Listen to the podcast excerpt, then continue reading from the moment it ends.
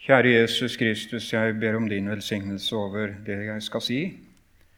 Be om at du må gi meg det som jeg trenger gjennom budskapet, og at det må bli til velsignelse og hjelp for de som hører på. Takk, Herre Jesus, at du kaller ved ditt ord, at du møter oss gjennom ditt ord akkurat der hvor vi er i denne verden. Og takk at du vil føre oss hjem til deg ved ditt ord. Åpenbar deg, Herre Jesus, for oss, slik at vi får se deg, slik som du har åpenbart deg i Skriften. Amen. Det er en veldig kjent tekst som eh, jeg skal lese for dere. Særlig da det første verset er det nok mange som kan utenat. Jeg tilhører en generasjon som lærte Johannes 3, 16 utenat. Og eh, det er et av de bibelordene som har fulgt meg gjennom livet. Og Jeg skal lese litt utover det òg, fra 17, 18 og helt fram til 21, hadde jeg tenkt. I Jesu navn. For så har Gud elsket verden at han ga sin sønn den gjenbårne, for at hver den som tror på ham, ikke skal fortapes, men ha evig liv. For Gud sendte ikke sin sønn til verden for å dømme verden, men for at verden skulle bli frelst ved ham. Den som tror på ham, blir ikke dømt. Den som ikke tror, er allerede dømt, fordi han ikke har trodd på Guds enbårne sønns navn. Og dette er dommen, at lyset er kommet til verden, og menneskene elsker mørket fremfor lyset, for deres gjerninger var onde. For den som gjør det onde, hater lyset og kommer ikke til lyset for at hans gjerninger ikke skal bli refset. Men den som gjør sannheten, kommer til lyset for at hans gjerninger skal bli åpenbart, for de er gjort i Gud. For mange år siden så fikk jeg høre en historie fra Sørlandet. Da var det en eh, forkynner som skulle ha et møte på et bedehus. Og eh, den eneste som kom, det var formannen. Det er sånn som forkynnere opplever av og til. Eh, det kommer ikke så veldig mange. Og de begynte å snakke sammen om man bare skulle da avlyse møtet. Men så kom det en til. Og det var en fremmed person. En eh, mann som ikke var omvendt. Det sa han ikke når han kom. Men heldigvis så bestemte de seg for å gjennomføre møtet. Predikanten talte til de to som satt der, og den fremmede mannen ble omvendt.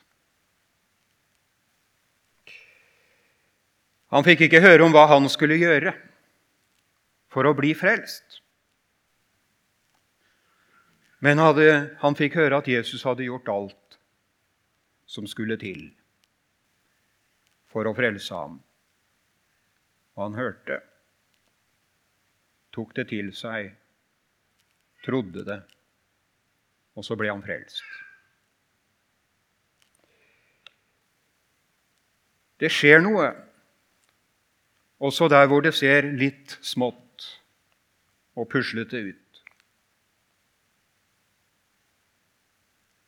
Det der var en vi kan godt kalle det en enkeltmannsvekkelse. Og hver eneste vekkelse har den karakteren. Den skal nå den enkelte. Den teksten vi har lest, den er eh, som sagt veldig kjent. Og de ordene som blei talt, blei talt til én.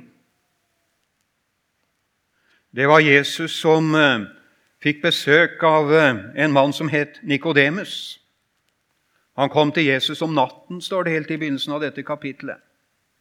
Og Det kan jo spekulere litt på ja, hvorfor kom han om natten.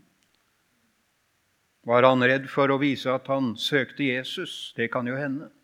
Det var en mann med veldig høy status. Han var rådsherre. Og det vil si, han, var, han satt i det øverste rådet i jødenes regjering, innenriksregjeringen, Synedriet, en av de 70 eldste. En stortingsmann, ville vi sagt i vår tid. Kanskje en minister. Kanskje ikke så rart han kom alene. Og så forkynte Jesus for denne ene mannen det ordet som har gått utover hele verden, og som utallige mennesker har blitt frelst ved siden. Det vi kaller Den lille Bibel. Så har Gud elsket verden, at han ga sin sønn den enbårne, for at hver den som tror på ham, hver den som tror, ikke skal fortapes, men ha evig liv. Det sa han til Nikodemus. Og om han tok imot det, ja, det tror jeg kanskje han gjorde, men det står ikke noe spesifikt i Bibelen om det, annet enn at han, at han fulgte opp Jesus ved hans død og begravelse. At han var involvert der. Rådsherren Nikodemus. Og det sier oss en ting til. Guds ord kan nå mye lenger enn eh, innafor disse veggene. Det som er sagt til én, kan nå langt utover. Og det er ikke fordi vi mennesker er så sterke og dyktige til å organisere og få til ting. Det er jo fint at vi er det òg, da.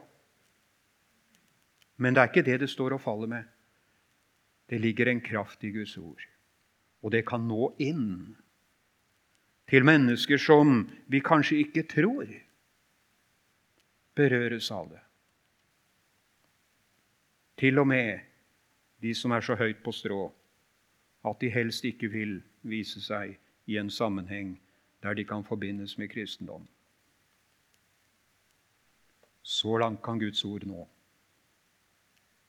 Og det er det samme ordet i dag.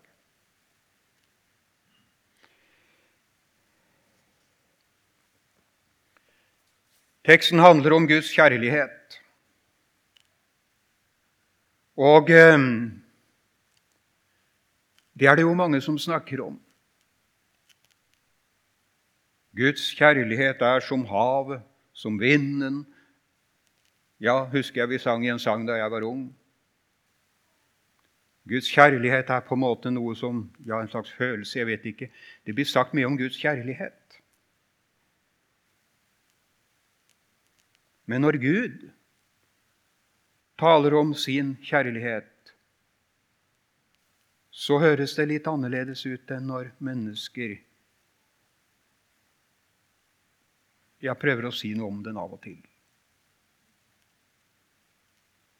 Da sier ordet Gud elsket verden. Og formuleringen på gresk det, det, ja, det står så høyt, men, men står, den, har, den, den, peker i retning av hvordan Gud elsket verden.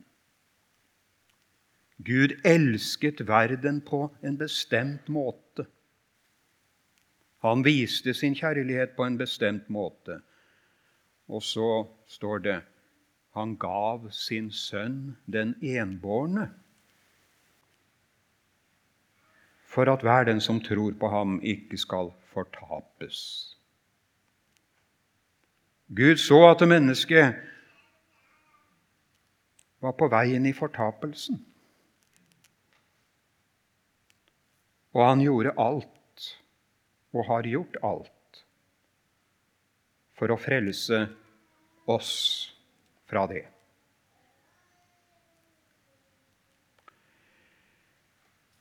Jeg husker Da jeg var liten, så gikk vi av og til i Borre kjerke nede i Vestfold. Det var et av de stedene jeg bodde i oppveksten. Det var en veldig vakker kirke fra 1100-tallet. Og eh, Jeg husker de hadde en engel i taket som ble firt ned hver gang det var dåp. Den holdt dåpsfonten i handa, hendene sånn. Jeg tror det er bare to kirker som har det i landet. Jeg husker klokkebønnen som en ikke hører lenger. Og jeg husker trosbekjennelsen. Jeg tror på Jesus Kristus, Guds enbårne sønn. Jeg hadde ingen tanker om å bli teolog den gangen. Overhodet ikke. Men jeg gikk og lurte fælt på hva det ordet 'enbåren' kunne bety. Vi bare sier det ikke sånn. Jeg tror på Jesus Kristus, Guds enbårne sønn. Jeg sier jeg tror på noe som jeg ikke helt skjønner.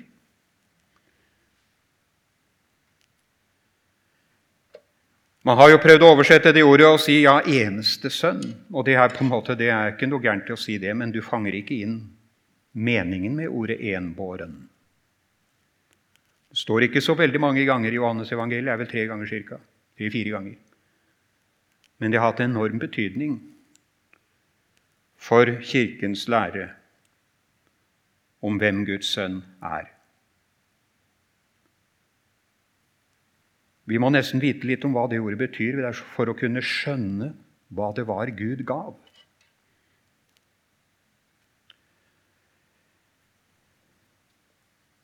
Guds sønn Jesus Kristus er født på to måter. Det at han er, kalles den enbårne, det betyr at han er født ifra, av Faderen fra evighet av, kan vi lese om. Samtidig er han også født inn i verden av jomfru Maria. Faderen føder. Underlige ord. Og hva er den evige fødsel? Det er en evig fødsel. Det er en differensiering i Gud. At Faderen føder sin sønn.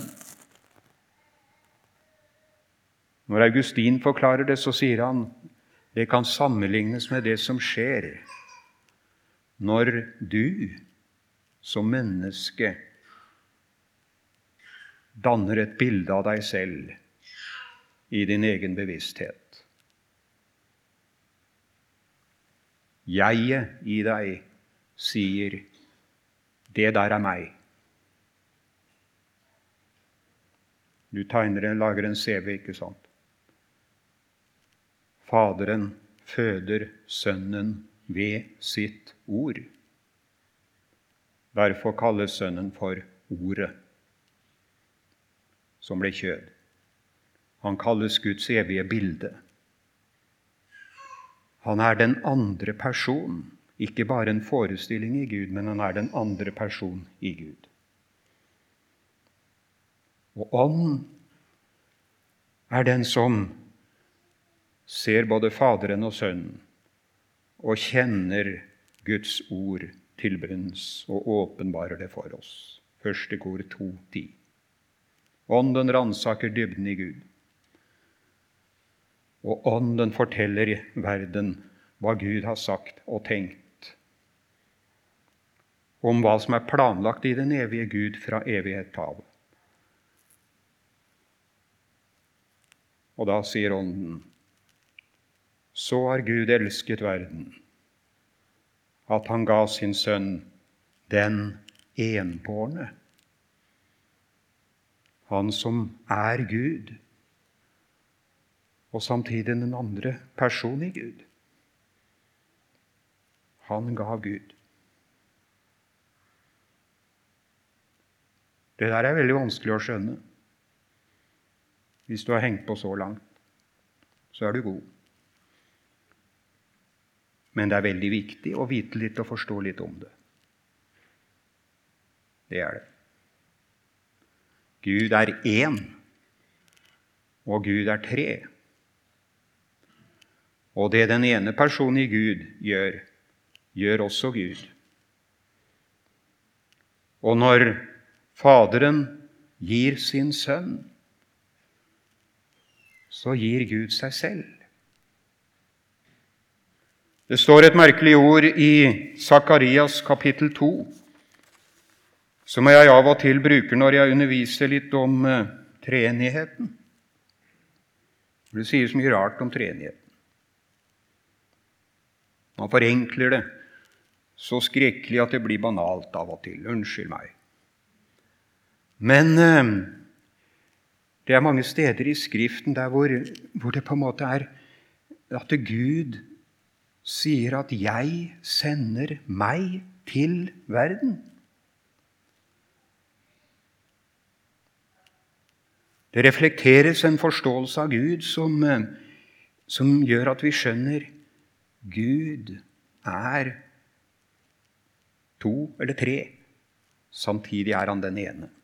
Og I Sakarias bok så står det sånn Fry deg høylig og gled deg, du Sions datter. For se, jeg kommer og vil bo hos deg, sier Herren. Jeg vil bo hos deg og du skal kjenne at Herren, herskarenes Gud, har sendt meg til deg.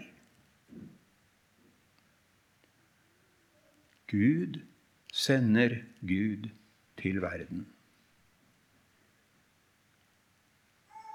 Og da står vi overfor det underlige, liksom du ikke kan si om deg selv at jeg er to eller tre personer, men én samtidig som du opplever deg selv som et Ja, du kan snakke med deg selv osv. Ja, så er det et svakt bilde på treenigheten, og det viser oss at det som skjer med den ene personen i Gud, og som med den andre, ja, det skjer med den ene Gud. Det er den ene Gud som er subjekt.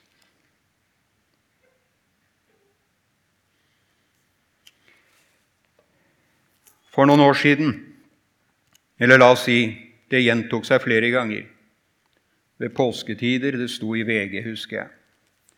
En av de store og mest kjente artistene i dette landet.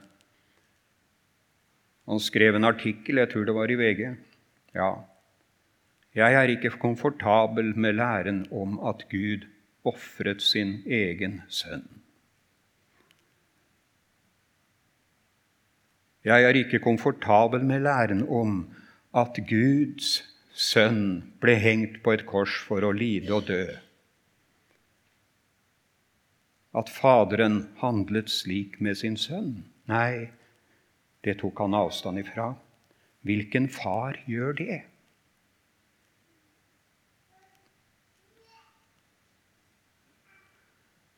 Det er ikke så lett å imøtegå den kritikken. Du må til treenighetslæren da Gud skulle gjøre opp med verdens synd, for det var det han gjorde, og straffe all verdens synd, betale for den istedenfor oss, så valgte han ikke ut en, et, et, et, det beste av alle mennesker. Men han ble selv menneske i Jesus Kristus, født av jomfru Maria inn i denne verden uten å opphøre å være Gud. Derfor så kan vi tro når det står at Gud gav, seg, gav sin sønn, så betyr det faktisk Gud gav Gud.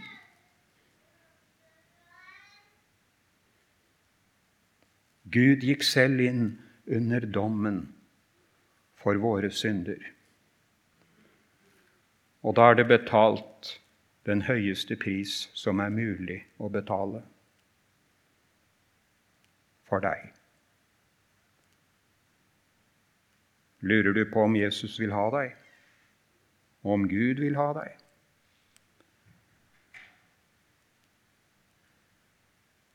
Det du ønsker, er du villig til å betale mye for.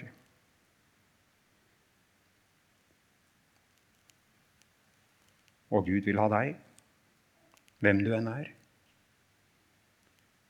Han har betalt den høyest mulige pris for deg. Gud selv gikk inn under døden for dine synder. Slik elsket Gud verden. Og er det denne kjærligheten, det er denne kjærligheten Gud peker på den måten Gud elsker verden på, som, som Bibelen åpenbarer. Har du bruk for den kjærligheten? Det er den Gud har gitt. Og I Romerne 5,8 så står det i presens Gud viser sin kjærlighet til oss ved at Kristus døde for oss mens vi ennå var syndere. Han viser den. Se her, så høyt har jeg elsket deg. Ikke glem det når det begynner å bli litt vanskelig i kristenlivet. Du føler deg anklaget, eller 'nå syns jeg ikke det går så bra'. 'Jeg kan ikke klare å tro på Gud lenger'. Jeg husker jeg snakket med en bibelskoleelev om det for mangfoldige år siden. Det var på Jæren. Vi kjørte i en bil, og sa vedkommende 'Jeg klarer ikke å tro på tro lenger', sa vedkommende. Og Så begynte vi å snakke om Jesus av en eller annen grunn. Og så sa den andre da 'Når jeg hører om Jesus, så kommer troen tilbake', sa Sånn er det. Gud viser sin kjærlighet. Han forsikrer deg om det. Og så er jo da spørsmålet hva er det jeg skal frelses fra? Og da kommer jo dette vanskelige ordet, som jeg syns det er så vanskelig å preke over. Det må jeg bare innrømme. Fortapelsen.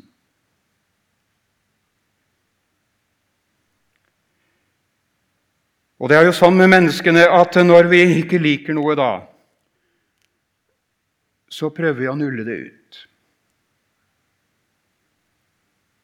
Det har også vært sagt når det gjelder problemet med å oversette dette, dette bibelverset som jeg har lest her til innledning. Ja, det er godt at det, det er den samme personen som jeg snakket om i stad, og som skrev i VG for noen år siden. Jeg er veldig fornøyd med det om ordet 'fortapelse' kan tas bort fra Skriften i hvert fall fra denne teksten. Og Det underlige med oss mennesker det er at eh, Eller i hvert fall noen av oss, tror jeg, og kanskje spesielt i vår tid ja, så Vi lever i en veldig sånn overbevisende tro på at vi kan fjerne ting ved å ta bort ord som benevner tingen.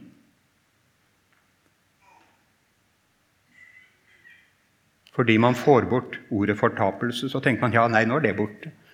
Det er som å delete, ikke sant? Og det gjelder jo ikke bare dette.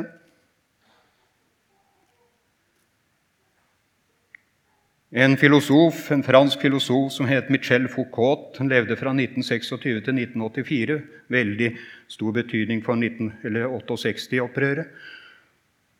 Og har hatt enorm innflytelse inn i vår tid. Han skrev en bok som blei oversatt til norsk i 1996, 'Tingenes orden'. Veldig mange som har lest den i Norge.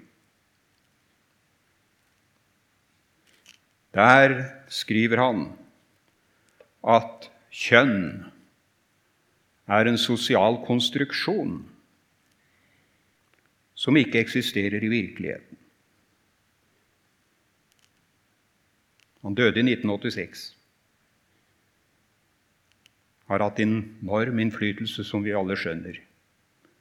En av premissleverandørene for en av våre, vår tids virkelig store trender, nemlig det å tro at man ved å ta bort ord nuller ut virkelighet. Man fjerner fortapelsen ved å fjerne begrepet. Man fjerner kjønn og kjønnsbevissthet ved å oppheve begrepet. For det er det som det dreier seg om. Og det er også andre ting som man går løs på med svamp, kan du si.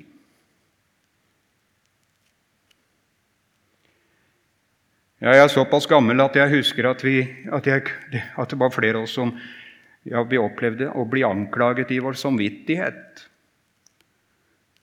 Jeg fikk ikke til å være en kristen fordi at budene de krevde så mye at jeg greide ikke Jeg skjønte jeg klarer jo ikke å være sånn. Jeg husker jeg vitna om det en gang i ungdommen, og jeg var ikke sikker på om det ville gå å være en kristen i det hele tatt. Jeg ville gjerne være en kristen, men jeg visste ikke om jeg var det. Og så sa jeg høyt i en sånn liten forening hvordan jeg hadde det, og så var det en nordlending der som sa 'Lykke til med kampen', sa han. Ja vel. Jeg er ikke sikker, men, men jeg fikk nå i hvert fall fred fordi jeg oppdaget at det som jeg holdt på å slite med, det hadde Jesus gjort for meg for lenge siden. Og Jeg kunne i grunnen bare ta det til meg og tro det og legge mitt eget til sides. Hva gjør man nå? Jo, man tar en svamp, og så går man bort til tavlen der hvor budene er skrevet, og så stryker man de bort. I hvert fall noen av dem. De modereres bort, tilpasses. Og så tror mennesker at nå er budene som Gud dømmer etter, borte og så får de fred. Det er ikke for ingenting at budene ble lagt i en kiste i det aller helligste i det, i det jødiske tempel, i paktens ark, der hvor Gud tronet over kirubene. Gud fjerner ikke sine bud fordi mennesker gjør det.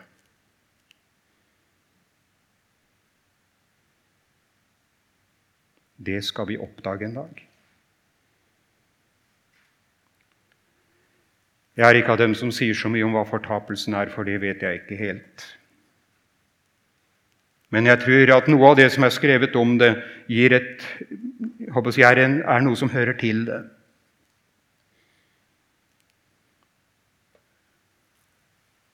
det er anklagen. Det er opplevelsen av at jeg har syndet mot Gud og mennesker og ikke kan gjøre noe med det. Fra tid til annen så kan mennesker bli hjemsøkt av det, eller de skyver det fra seg.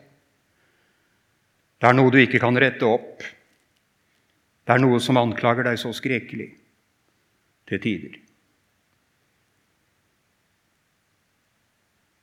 Og du er redd for Gud.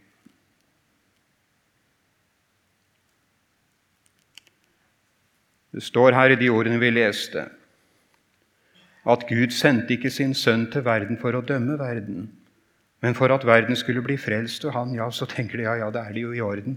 Men så står det videre i samme sammenhengen. Den som ikke tror, er allerede dømt.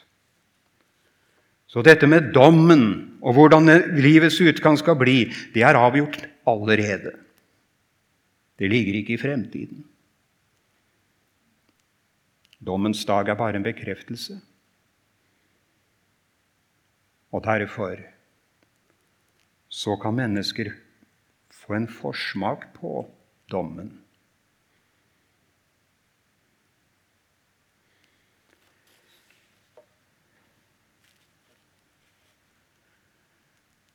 til deg som føler deg dømt, og ikke vet hva du skal gjøre med det. Så har jeg en ting å si. Jesus, Guds sønn, har tatt din dom på seg, og han har sonet den fullt ut. Hva det enn er, om det er stort eller smått i menneskers øyne. Han har sett det, for han er den evige Gud. Han har lagt det på sin menneskekropp, båret det, lidd døden og straffen og dommen. Det gjorde Gud for deg. Og Derfor kan du få lov til å ta det til deg for første gang eller andre eller tiende eller hundrede gang. Han har utslettet min synd og min skyld og det jeg føler meg anklaget av. for lovens tavler, om det nå er det fjerde, femte eller sjette bud. Du skal ikke slå i hjel, du skal ikke drive ord, osv. Ja, det trenger igjennom selv når mennesket prøver å stryke det ut. Men når du hører det, ja, så skal du få, og kjenner det i ditt hjerte, ja, så skal du få lov til å tro. Jesus har betalt istedenfor meg.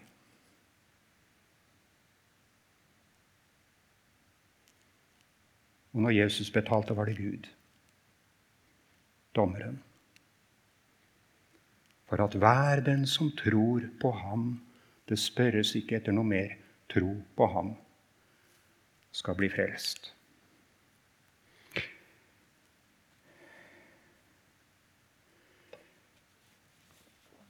Og da kan vi jo si at dommen og frelsen i form av frelse, den er også avgjort her og nå. Mens du sitter der du sitter, så kan du si til deg selv Jeg er frikjent. Jeg er frelst. For det, Jesus har ikke latt igjen noe som jeg skulle gjøre for å bli frelst. Det kan jeg hvile i. Og jeg kan også takke Jesus for det som er det verste og vanskeligste i mitt liv. At han også tok det.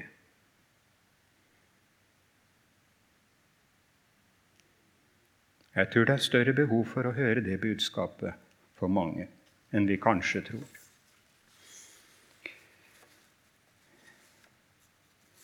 Det kunne vært fristende å si litt om hvordan budskapet om Jesu frelse skal prege vårt liv, troen og de gode gjerninger. Men la meg bare korte det helt ned. Du og jeg som har fått betalt for alle våre synder, og som har trur på Han som har sonet alt for oss, og som kan anse oss som uskyldige og frikjent overfor Gud, vi skal få leve for Gud på de premissene. Vi har blitt møtt med en kjærlighet som vår Frelser vil at vi skal vise til andre.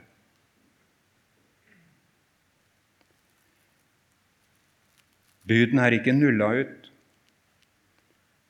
Men jeg vil si det sånn, det er i hvert fall to måter å oppfylle budene på. Og Jesus sier det i Matteus 5, 16 at vi skal la vårt lys skinne for menneskene, så de kan se de gode gjerningene dere gjør, og prise deres Far i himmelen. Og i et annet sted i, i, i bergsprekene så taler Jesus om at dersom ikke deres gjerninger overgår de skriftlærde og fariseernes, ja, så kommer dere ikke inn i Guds rike. En kan jo lure på hva han sikter til der. Så vil noen si nei, altså budene er helt umulig å oppfylle. De er jo perfekte. altså Da må jeg bare legge det fra meg. Jeg tror ikke det er det det handler om. Og det tror ikke Luther heller. Jeg har lest hva han skriver om det. bare så det er sagt. Det er noe jeg kaller den kjærlige lovoppfyllelsen. Det går an å leve etter budene på en så prektig måte og håper å si på en så korrekt måte at alle mennesker blir helt imponert. Men man kan midt i alt det oppfylle budene på en ubarmhjertig måte. Det var det fariseerne gjorde. Som kristne må vi prøve å leve etter budene med det sinnelaget som Jesus hadde. Det står i Romerbrevet, kapittel 13, vers 10. Kjærligheten gjør ikke neste, også det mitt medmenneske, noe ondt. Derfor er kjærligheten lovens oppfyllelse. Jeg skal få leve etter budene i den hensikt at det kan være til hjelp for mitt medmenneske. At det kan føre til noe godt for mitt medmenneske.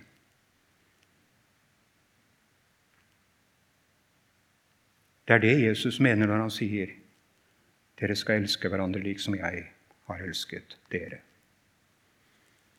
Kjære Jesus Kristus, takk for at vi kan få ta til oss ditt ord og ditt evangelium.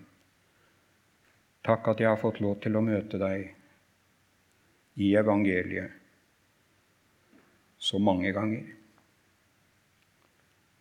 Og takk at jeg kan få møte deg med alt det som anklager,